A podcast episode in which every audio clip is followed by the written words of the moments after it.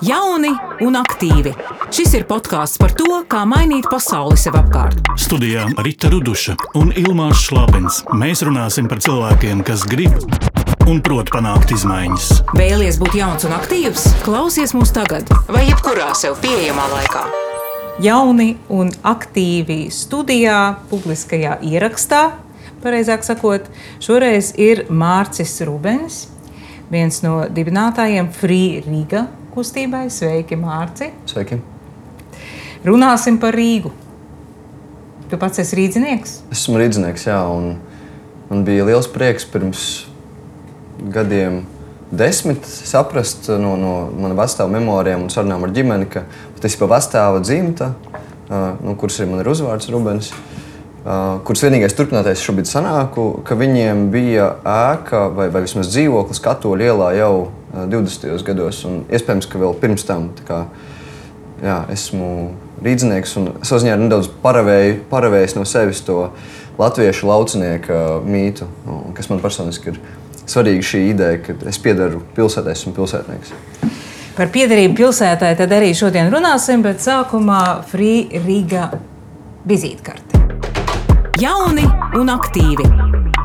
Biedrība dzimusi Rīgas Eiropas kultūras galvaspilsētas gadā 2014. Iniciatīvas pirmā redzamākā akcija bija dzeltenās uzlīmes Occupy Me, kuras parādījās uz tukšo māju sienām. Šodien Free Riga pamata darbība ir atvērt Rīgas tukšās ēkas sabiedriskai darbībai uz laiku, kamēr ēka stāv tukša. Tātad Free Riga ir savienojošais posms, kas savieno ēku īpašniekus ar uh, radošiem cilvēkiem kuri izmanto šīs ēkas kā atspērienu saviem trakajiem projektiem. Šobrīd Free Riga pārziņā pēc eh, pieejamajiem datiem ir 22 projektu ēkas Rīgā. Jauni un aktīvi. Tās ēkas trīs apkaimēs. Vecākā apkaimē, kurai mēs arī atradām vēsturisko nosaukumu, lai kaut kā viņu nosaukt, saprotami, ir tuvējā Forštatē, jeb Lastādijā, kā sanāk šo ostas apkaimē sauca. Tur mums ir piecas sēkas. Tālāk, uh, otrā vecākā vieta šobrīd ir Dzirnava iela 27, D27 projekts, mākslinieku kopienas, komunas māja, kas arī šobrīd īstenībā varēs ciet un migrēs uz nākamo vietu. Un uh, trešā apkaime, kas atvērās uh, vis, visnesenāk, pagājušajā oktobrī, pirms gada, ir Tallinas ielas kvartāls, kur ir uh, tās pārējās 16 ēkas. Šīm ēkām ir īpašnieki. Jā, visām. Jā, Un kādi? Jā. Privāti? Privāti. Tas, uh, tā ir tā atšķirība starp uh, rietumu valstīm un, un, un austrumu Eiropu, ka rietumos ir tā pieredze saistībā ar vietu attīstību. Tur bija skvotu kultūra, kas ir nozīmīga subkultūra veidojuši elements un arī pieredze tīri solidaritātei un vietu veidošanai un organizēšanai. Uh, un no kuras dzimis jau, jau šī pagā, ideja par pagaidu lietošanu kā par instrumentu ne tikai uh, uh, īpašuma attīstībai, bet arī pilsētas attīstībai, kur to mērķiecīgi pielieto. Atšķirība starp šejieni, kur, uh, kur pilsētā nav šī pieredze, un uh, tas ir arī viena no manām tēzēm, pragmatiski skatoties uz dzīvi. Cenšoties, mēs, ka nevar prasīt no pilsētas to, ko nevar. Un privāti īpašnieki šajā gadījumā ir pragmatiskais partneris, kurš ļoti labi saprot, kā ēkai ir jābūt uh, apgādātāji, un tāpēc mēs pret īpašnieku pusi to eksperimentējot ar skatoties no līdzīgām mācības organizācijām, nosaucām par ēku aizgājņiem, jeb house guardians. Tas strādā ļoti labi, jo katrs īpašnieks grib, lai viņa ēka ir ēka samazināt viņai izmaksas, samazināt viņai apdraudējumu, un, un nolietojumu un sabrukšanas riskus, kaut kādus novērst. Pagaidām, jo... pagaid, es tev pārtraukšu tomēr, jā, jā. par to katru īpašnieku. Tas izklausās ļoti labi un, un iepriecinoši, mm. ka tā ir pietiekami daudz ēku īpašnieku, kas saprot, ka ir labāk, ka māja dzīvo un elpo, un tur notiek turklāt kaut kādas radošas un foršas lietas. Bet acīm redzot, ir tādi, kuriem ir, es atvainojos pie kājas, izmantojot. Nē, es domāju, ka arī cilvēks var baidīties no tā tā, ka viņa Jā. ēkā ienāks kaut kādi nesaprotami. Nu, kā atrast? Nodedzinās, tur smēķēs, izdemolēs, nu, visu kaut ko var cilvēks izdarīt. Ja ēka stāv tukša, viņi ir kā drošībā. Bet tā taču nav. Bet tā tas nav. Jā. Tā nav. Nu, koka ēkai tas ir kaut kādas pāris ziemas, teiksim, mūsu klimata apstākļos. Piecas ziemas, kurā jau viņa sāk neglābjami bojāties. uh, ūdens vai, vai saules vienkārši koku konstrukcijām nav pārāk labs. Uh, bet arī mūrēkas, nu, ilgstoši stāvot šajā nesaprotamajā gaidīšanas režīmā, viņas daudz sākas vienkārši pazaudējušas savu vērtību tik tālu, ka tā ideja par to, ka atnāks kaut kāds projekts un tur kaut kas notiks, neīstenojās. Un tad, ja grib viņu kaut kā atgriezt lietošanā, ēku, kas nozīmē mazāku remontu, nevis 20 miljonu rekonstrukciju, tad tas nav vairs iespējams par nelieliem līdzekļiem. Un e, es kādā mērā tomēr uzstāšu, ka Vienkārši mums nav šobrīd mūsu kultūrā veids, kā ārpus tirgus uh, parastās rekonstrukciju 5 miljonu domāšanas, kā tikt galā ar nekustamo īpašumu. Un, un nav, uh, jā, arī, protams, īpašnieki domājot, ka tur ienāks kaut kādi mākslinieki, un tur būs ņemšanās, un tur vajadzēs slēgt līgumus, un ko tad viņi darīs. Tas arī viss nav saprotami. Līdz ar to tas, ko mēs mēģinām radīt, un tā ir tā pragmatiskā puse uh, pret īpašnieku to pusi ir nodrošināt uh, to, ka ir saprotama sistēma, kurai ir atsauksmes, ir jau īpašnieki, kas tam gājuši cauri, viņi var ieteikt šo, ka ēku aizgādņi tā ir, tas ir labs veids, kā uzturēt īpašumu. Un ir viens šis punkts, Frīga, kas uzņemās to, lai īpašniekam būtu vēlme nodot tādus īpašumus cilvēku pārziņā, aizgādniecībā, dažādu radošu projektu. Viņš zina, ka tas būs labi menedžēts, ka tas nav ka viņam būtu jāiegūt ļoti daudz laika tajā, tad ikdienā ņemoties ar komunikāciju, tur, runāt ar cilvēkiem no kultūras, kuriem ir varbūt dažāda valoda nekā īpašniekiem. Tad, tā ir tā misija, ko mēs redzam. Tas ir tas tilts, kurš veido jā, savā ziņā arī jaunas iespējas savienot šo neformālo kultūru un parādīt tās vērtību gan pilsētai, gan arī, gan arī tiem cilvēkiem, kuriem ir. Nu, jūs būtībā jūsu ambīcija ir mainīt domāšanu.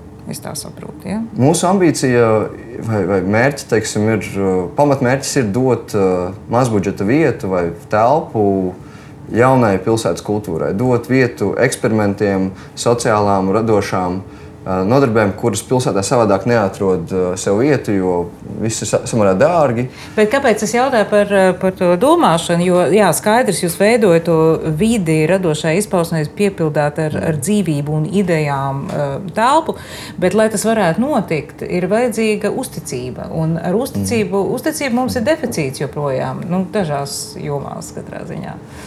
Vai, vai tas ir tas, vai tas tava pieredze parāda, ka ir tomēr tā uzticība jau pietiekamā līmenī, lai vēku īpašnieki nu, atvērtu, atvērtu tās savas mājas idejām? Viņi ir, jā, viņi ir noteikti kaut kur. Piemēram, pirmais mūsu īpašnieks, ko mums izdevās sadarboties, ir, ir, ir bijis sponsors un mecenāts. Viņš ziedojis un sponsorēja dažādas pieminekļus Rīgai, viņam bija saprotams, ka oh, man ir šī ēka Man teiksim, arī Rīgas doma spiež vai draud, ka viņai tiks paaugstināts nodoklis, iespējams, jo viņa nav sakārtota.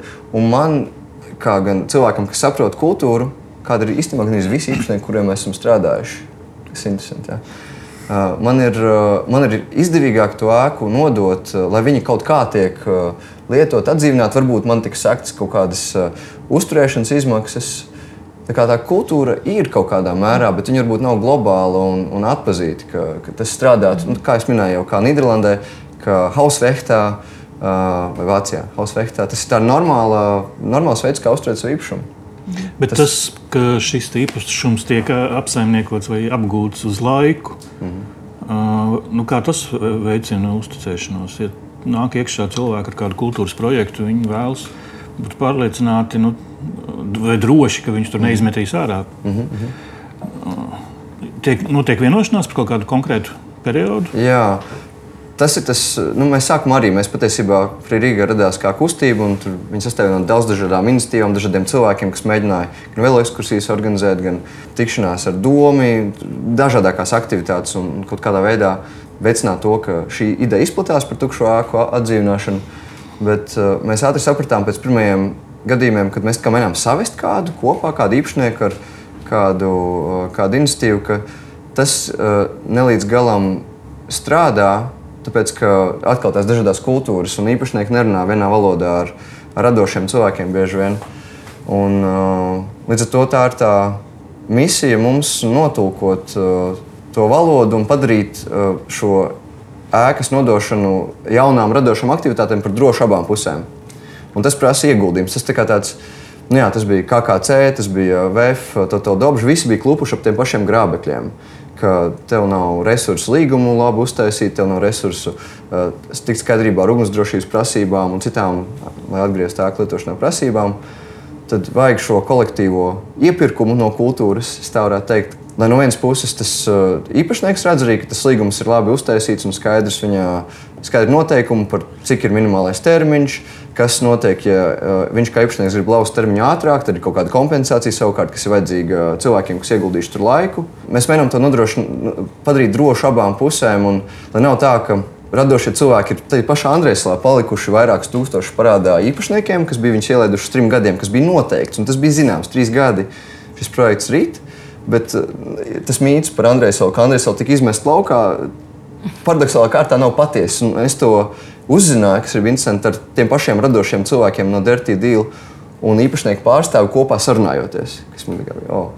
uh, lai nebūtu ne šī situācija, kad, kad kādi projekti sabojā uh, šīs kultūras sfēras, labo vārdu uh, un iespējas ēkās kaut ko foršu darīt, un gan īpašniekam ka tas ir izdevīgi gan arī kultūrai, mazbudžeta telpa, ne arī ka īpašnieki var izmest kādu radošu projektu, tad, ka viņam nav bijis kapacitāte uh, uztaisīt labu līgumu, kā tas bijis, piemēram, arī Slavens gadījums pietiekami.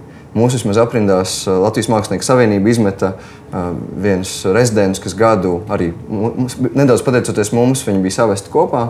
Frīrīgi izsludināja uh, katrā ziņā šo open call šai ēkai. Un īpašnieks pats komunicēja tālāk ar, ar uh, cilvēkiem. Tur, Un pēc gada viņi bija paremontējuši, viņus, piemēram, viņus vienkārši izmet laukā, jo to āku pārdeva. Un tas arī tas galīgi nav godīgi. Un tad, kā risināt šīs abas situācijas? Tev vajag, kā mēs redzējām arī no līdzīga Vācijas un, un Nīderlandes organizāciju piemēra, te vajag kaut kādu to vidutāju, kas ar abiem spēj runāt un abiem spēj iedot to, ko. Cik ir Rīgā tukšas mājas? Mūsu vēl neapdzīvotas. Mūsu saraksts, kas ir veidojies ar kartēšanu 13. gada rudenī, kur visi var atzīmēt ēkas, un pēc tam vienkārši novērojumiem ikdienā papildinot sarakstu ir 500 apmēram šobrīd, bet tas ir vēsturiskajā centrā, un tas tikai tas, kas ir redzams. Mm. Es domāju, ka ir 1000, 1000.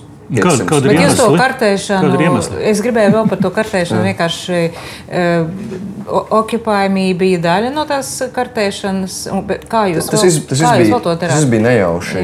Tajā, tajā periodā bija okupējumība šī kampaņa, kur bija 5000 uzlīmes, kuras tad radās problēma. Uh, kas viņas vispār, ko viņām darīt. Un tad tā ideja, ka varētu viņas salīmēt uz ēkām. Un bija manifestiņš, un nu, teiksim, ap šo problēmu sanāca kopā pirmā grupa cilvēku. Un tagad tas pilnīgi nejauši, nevienam negaidot, izvērtās par jā, lielu, ļoti dzirdētu kampaņu un sāka aicināt gan domē, gan valsts nekustamā īpašumu uz sarunām. Tad uh, bija tā nākamā fāze. O, uh, konkrēti manā paziņu lokā bija cilvēks, kuram ir interneta rīks, kur var izmantot internetā, lai kartētu, katrs varētu pielikt savu, savu ēku. Un, nu, tā, tas, tā organizācija attīstījās ļoti no, no mēģinājuma uz mēģinājumu. Sākumā nebija vispār nekāda doma par organizāciju. Tā, kā, tā kartēšana arī ir palikusi fonā, mums tas saraksts ir, mēs viņu dažkārt papildinām no saviem novērojumiem, tie, kas tajā ir aktīvi iesaistīti. Kāds ir iemesls, kāpēc šīs ēkas stāv tukšas? Kas, un, uh, es saprotu, lielākā daļa no tām stāv tukšas jau kopš padomu laikiem. Nē, nē? Mm, kopš padomu laikiem nē. Teiksim, es domāju, ka to pašu D27 kļuva tukšs 2010. gadā. Tāpat, tāpat arī Puškina 11. Nē, daudzas ēkas ir bijušas lietotas līdz kaut kādiem 90. un tad, cimdzot, 90. vai 2000. tad, tad ieceres viņas, viņas rekonstruēt vai pārdot, un, un, un tad uznāca krīze, kas nocirta daudziem projektiem saknes un loģiku. Ne, nu, ir, ir vairāk gadījumu. Ir ēkas, kas stāv ilgstošāk tukšas. Protams, ir īpašnieki. Tā kā denacionalizācija nozīmē to, ka īpašumi nokļuva daudz cilvēku rokās, kuriem nav resursu un zināšanu, kā ēku apsaimniekot un sakārtot. Un tad tās ēkas uzņem meklē savu pielietojumu joprojām. Un, un daudzas arī joprojām ir tiem īpašniekiem, kuriem viņas pieder un vienkārši pamazām grūst. Viņiem nav kapacitātes neko ar viņiem darīt. Koku ēkām arī saziņā pieminiektu inspekcijas pamatoto, es teiktu, arī bieži vien prasību dēļ tās izmaksas komerciālā rekonstrukcijā ļoti, ļoti lielas, un tām ēkām arī ir grūtāk rīkoties, lai viņās ieguldītu naudu un dabūtu atpakaļ to investīciju. Tāpēc kokākas stāv daudz tukšas, un, un tad trešais iemesls var būt tā burbuļu domāšana, kas bija uzpūtusi tik milzīgas cenas uh, pirms krīzes. Es, es tādā ziņā redzu, nedaudz, ka tā ir tāda nedaudz subversiva darbība. Mēs, kā kultūras cilvēki, kuri, nu, es personiski esmu mācījies ekonomiku, nedaudz, mēs mēģinām apgūt tās, tās tirgus rīkus, tirgus instrumentus, lai izņemtu tās ēkas uh, aktivitātēm, kas parasti nav uh, tās maksātspējīgās. Un, un tas ir kaut kas, ko, ko īpašnieks saprot. Tas ir pakalpojums viņiem, par kuriem viņiem parasti nav pārāk daudz jāmaksā. Nemaz. Viņiem tas drīzāk samazina izmaksas. Un tā ir tāda apgriezta domāšana, jo patiesībā arī kas ir no Rīgas projektu līdzīgo pieredzi, no, kurām, no kuriem Frīdīga tapa, VF Total Dobžu kvartāls, VF lielajā teritorijā. Tur vēl bija tā domāšana tajā laikā, ka kultūras cilvēki grib šīs lielās, skaistās telpas, kur viņi redz potenciālu, kur neviens cits neredz to potenciālu. Ja? Un tad viņi saka, lūdzu, dodiet mums tās telpas kaut kādā veidā, un īpašnieks neko citu nezina, kā paprasīt kaut kādu īri. Un tad sanāk, ka Toto Dobras gadījumā, kas no 8. līdz 13. gadam strādāja VFā, un izveidoja tur mākslinieku rezidences, divas terases uz jumtiem, tur bija baltās naktis, tur bija nu, tāda dzīvība, kas varētu teikt, ir ienesusi dzīvību šajā kvartālā, principā arī tagad, un radījusi kaut kādu vērtības kāpumu tai teritorijai, nu, cik droši vien kaut kādos miljonos varētu būt, ka ir ienesta tā revitalizācijas dvēša. Tur pirmie pionieri tur ir bijuši, sagatavojuši ceļu nākamajiem, kas bija arhitektu biroja un tam līdzīgi, kas tur ienāca. Bet, bet eh, tajā pašā laikā Kaspars Lielgāvis to, to dabžu, viņš par to vēl maksāja īpašniekam. Viņš eh, remontēja šīs telpas, atdzīvināja šo vidi. Un kas ir interesanti, tad uh, mēs bijām Rīgā ievaduši īpašumu departamentu pārliecinājuši startēt tādā projektā Refil, uh, kur šī uh, tukšo ēku atdzīvināšana tiek skatīta no pilsētas viedokļa. Tas bija pilsētas projekts. Ģente, vadošais partneris, Brēmena, Atēnas, Nante, Kluža. Helsinki, nu, dažādas pilsētas, kas jau bija eksperimentējušas ar kaut, kaut kā, kā mēs varam galā tikt ar šīm tukšām ēkām, nevis kā ar defektu, bet kā ar efektu. Šī projekta pirmajā vizītē ekspertu Rīgā tas bija 15. gadā, ja nemaldos, 15. gadā. Jā. Un mēs skatījāmies Vēfu ar Kasparu, un, un uh, Kaspars vadīja apkārt, re, kur viņi bija bijuši un stāstīja, kā tie ir. Un tajā brīdī īpašnieks viņam piezvanīja. Un, un, un piedāvāja, kas par mēs, mēs īstenībā mēs gribētu turpināt kaut kā šo radošā kvartāla ideju, kaut kā attīstīt. Jo īpašnieks bija sapratis pēc kāda brīža radošiem kvartāliem, par ko arī uzņēma paldies Rīgas domē, šī, šīs idejas ieviešanu Rīgā. Ja? Nu, tomēr normalizēt, ka ir kaut kāds tāds savādāks kvartāls, kur radoši cilvēki var kaut ko darīt ka īpašnieks bija sapratis, ka wow, man tas ir patiesībā te jau noticis, un es tagad zinu tam nosaukumu, un es zinu cilvēkus, kas to dara. Un tādā ziņā uh, mēs droši vien no, no tādas radikālās kultūras scēnas viedokļa spēlējamies ar uguni, ja? jo mēs ejam uz kontaktu ar īpašniekiem, mēs mēģinām radīt kaut ko, kas ir īpašniekiem pragmatiski izdevīgs piedāvājums. Bet tajā pašā laikā skatoties, ka Rīgā ir simtiem šo tukšo ēku, Skaties, ka tas ir noticis tas pats, kas te Rīgā notiek Berlīnē, Amsterdamā. Amsterdama bija arī sarūkoša pilsēta, tieši tāpat kā Rīga. Berlīna tieši tāpat.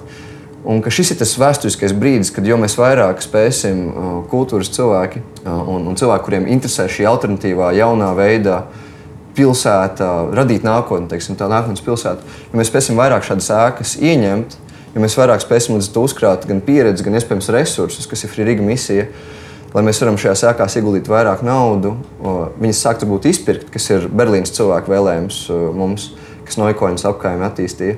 Ne, nepazaudēt šo mirkli, kurā kultūrai kaut kā izkarot šo teritoriju, kurā viņi var uzaugt un apgūt resursus sev, lai arī tās teritorijas ir ilgstošākas kultūras pārziņā.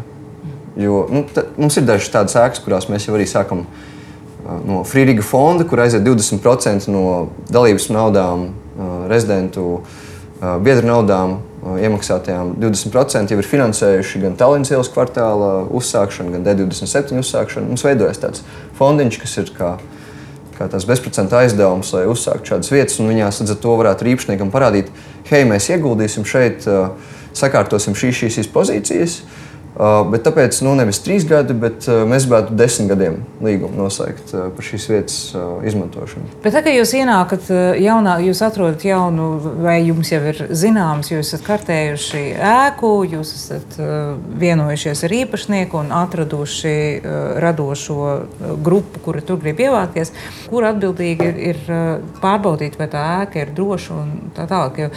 Un kāpēc es to jautāju? Tāpēc, ka es šorīt biju pie bija Ilzas Pūrmals, pilsētas attīstības pārvaldes vadītājs, kur teica sekojošu lietu. Vēl viens aspekts, par ko mazāk tiek domāts, ir šis drošības aspekts, manuprāt.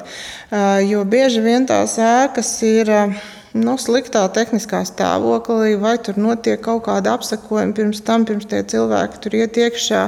Kurš tad ir tas, kas atbild par to? Nu, skaidrs, tas, tas ir atkal tāpēc, tas, kā, kā tā metāfora kultūras kopā Jā. pērkam, pērkam mm -hmm. kopā tā, tā ideja par to platformu, ka ir vajadzīga tāda platforma. Tā ir Frīga, un tur mēs arī krājam to pieredzi, un, un kompetenci un sapratni un resursus. Visas ēkas, kurās mēs esam gājuši, mēs no pašām pirmajām, kur mums vispār nebija sapratne, mm. ēka ir bez ūdens. Un, Un bez siltuma, un kā ar viņu rīkoties, jau, jau, jau toreiz mēs uh, saucām, nu, kas visiem tas ir tā spēcīgā puse, ir kaut kāds tīkls, draugu un, un līdzīgi domājošo, un kuriem arī šķiet super kaut kā tās tukšās ēkas atdzīvināt un kaut ko darīt. Mēs esam no, no pirmajām, pirmajiem projektiem aicinājuši arhitektus un, un, un būvniekus vienmēr palīdzīgā izvērtēt katru ēku, saprast vispār, kā viņu, kā viņu atdzīvināt, ko viņai jādara. Bet, protams, ka nu, tēt, profesionalizējoties, kas neizbēgami nāk ar to, ka ar vien vairāk ēkas ir. Mums jau ir pirmais darbinieks centrālajā birojā. Sākam visu kvartālu mesties kopā un algot vienu cilvēku, kas taisa līgumus. Bet arī, arī tās drošības pārbaudes gan ēkām, kas ir piemēram Lastādijā. Nu, tur gan ar īpašnieku sadarbībā tika veikts būvniecības apsekojums, gan bet uh, Tallinas kvartālā savukārt. Rez, nu, rezidentiem bija skaidrs, zināms, ka būs jāmaina lietojums šīm ēkām, oficiālais lietojums, kas bieži vien arī stāv ceļā ēkas lietošanai, ka tur piemēram garāža paredzēta, bet, uh, bet vajag mainīt kaut kādu publisku pasākumu vietu vai uz bāru. Mums ir bijuši gadījumi, kur mēs neesam varbūt vēl paspējuši izdarīt visu, bet būvniecības apsekojums uz būvvaldi aizejot un viņiem runājot, mums bija. Un tāpēc uh, par drošību uh, tā ir pirmā lieta, par ko mēs domājam, kur mums, es domāju, ir pilsētu.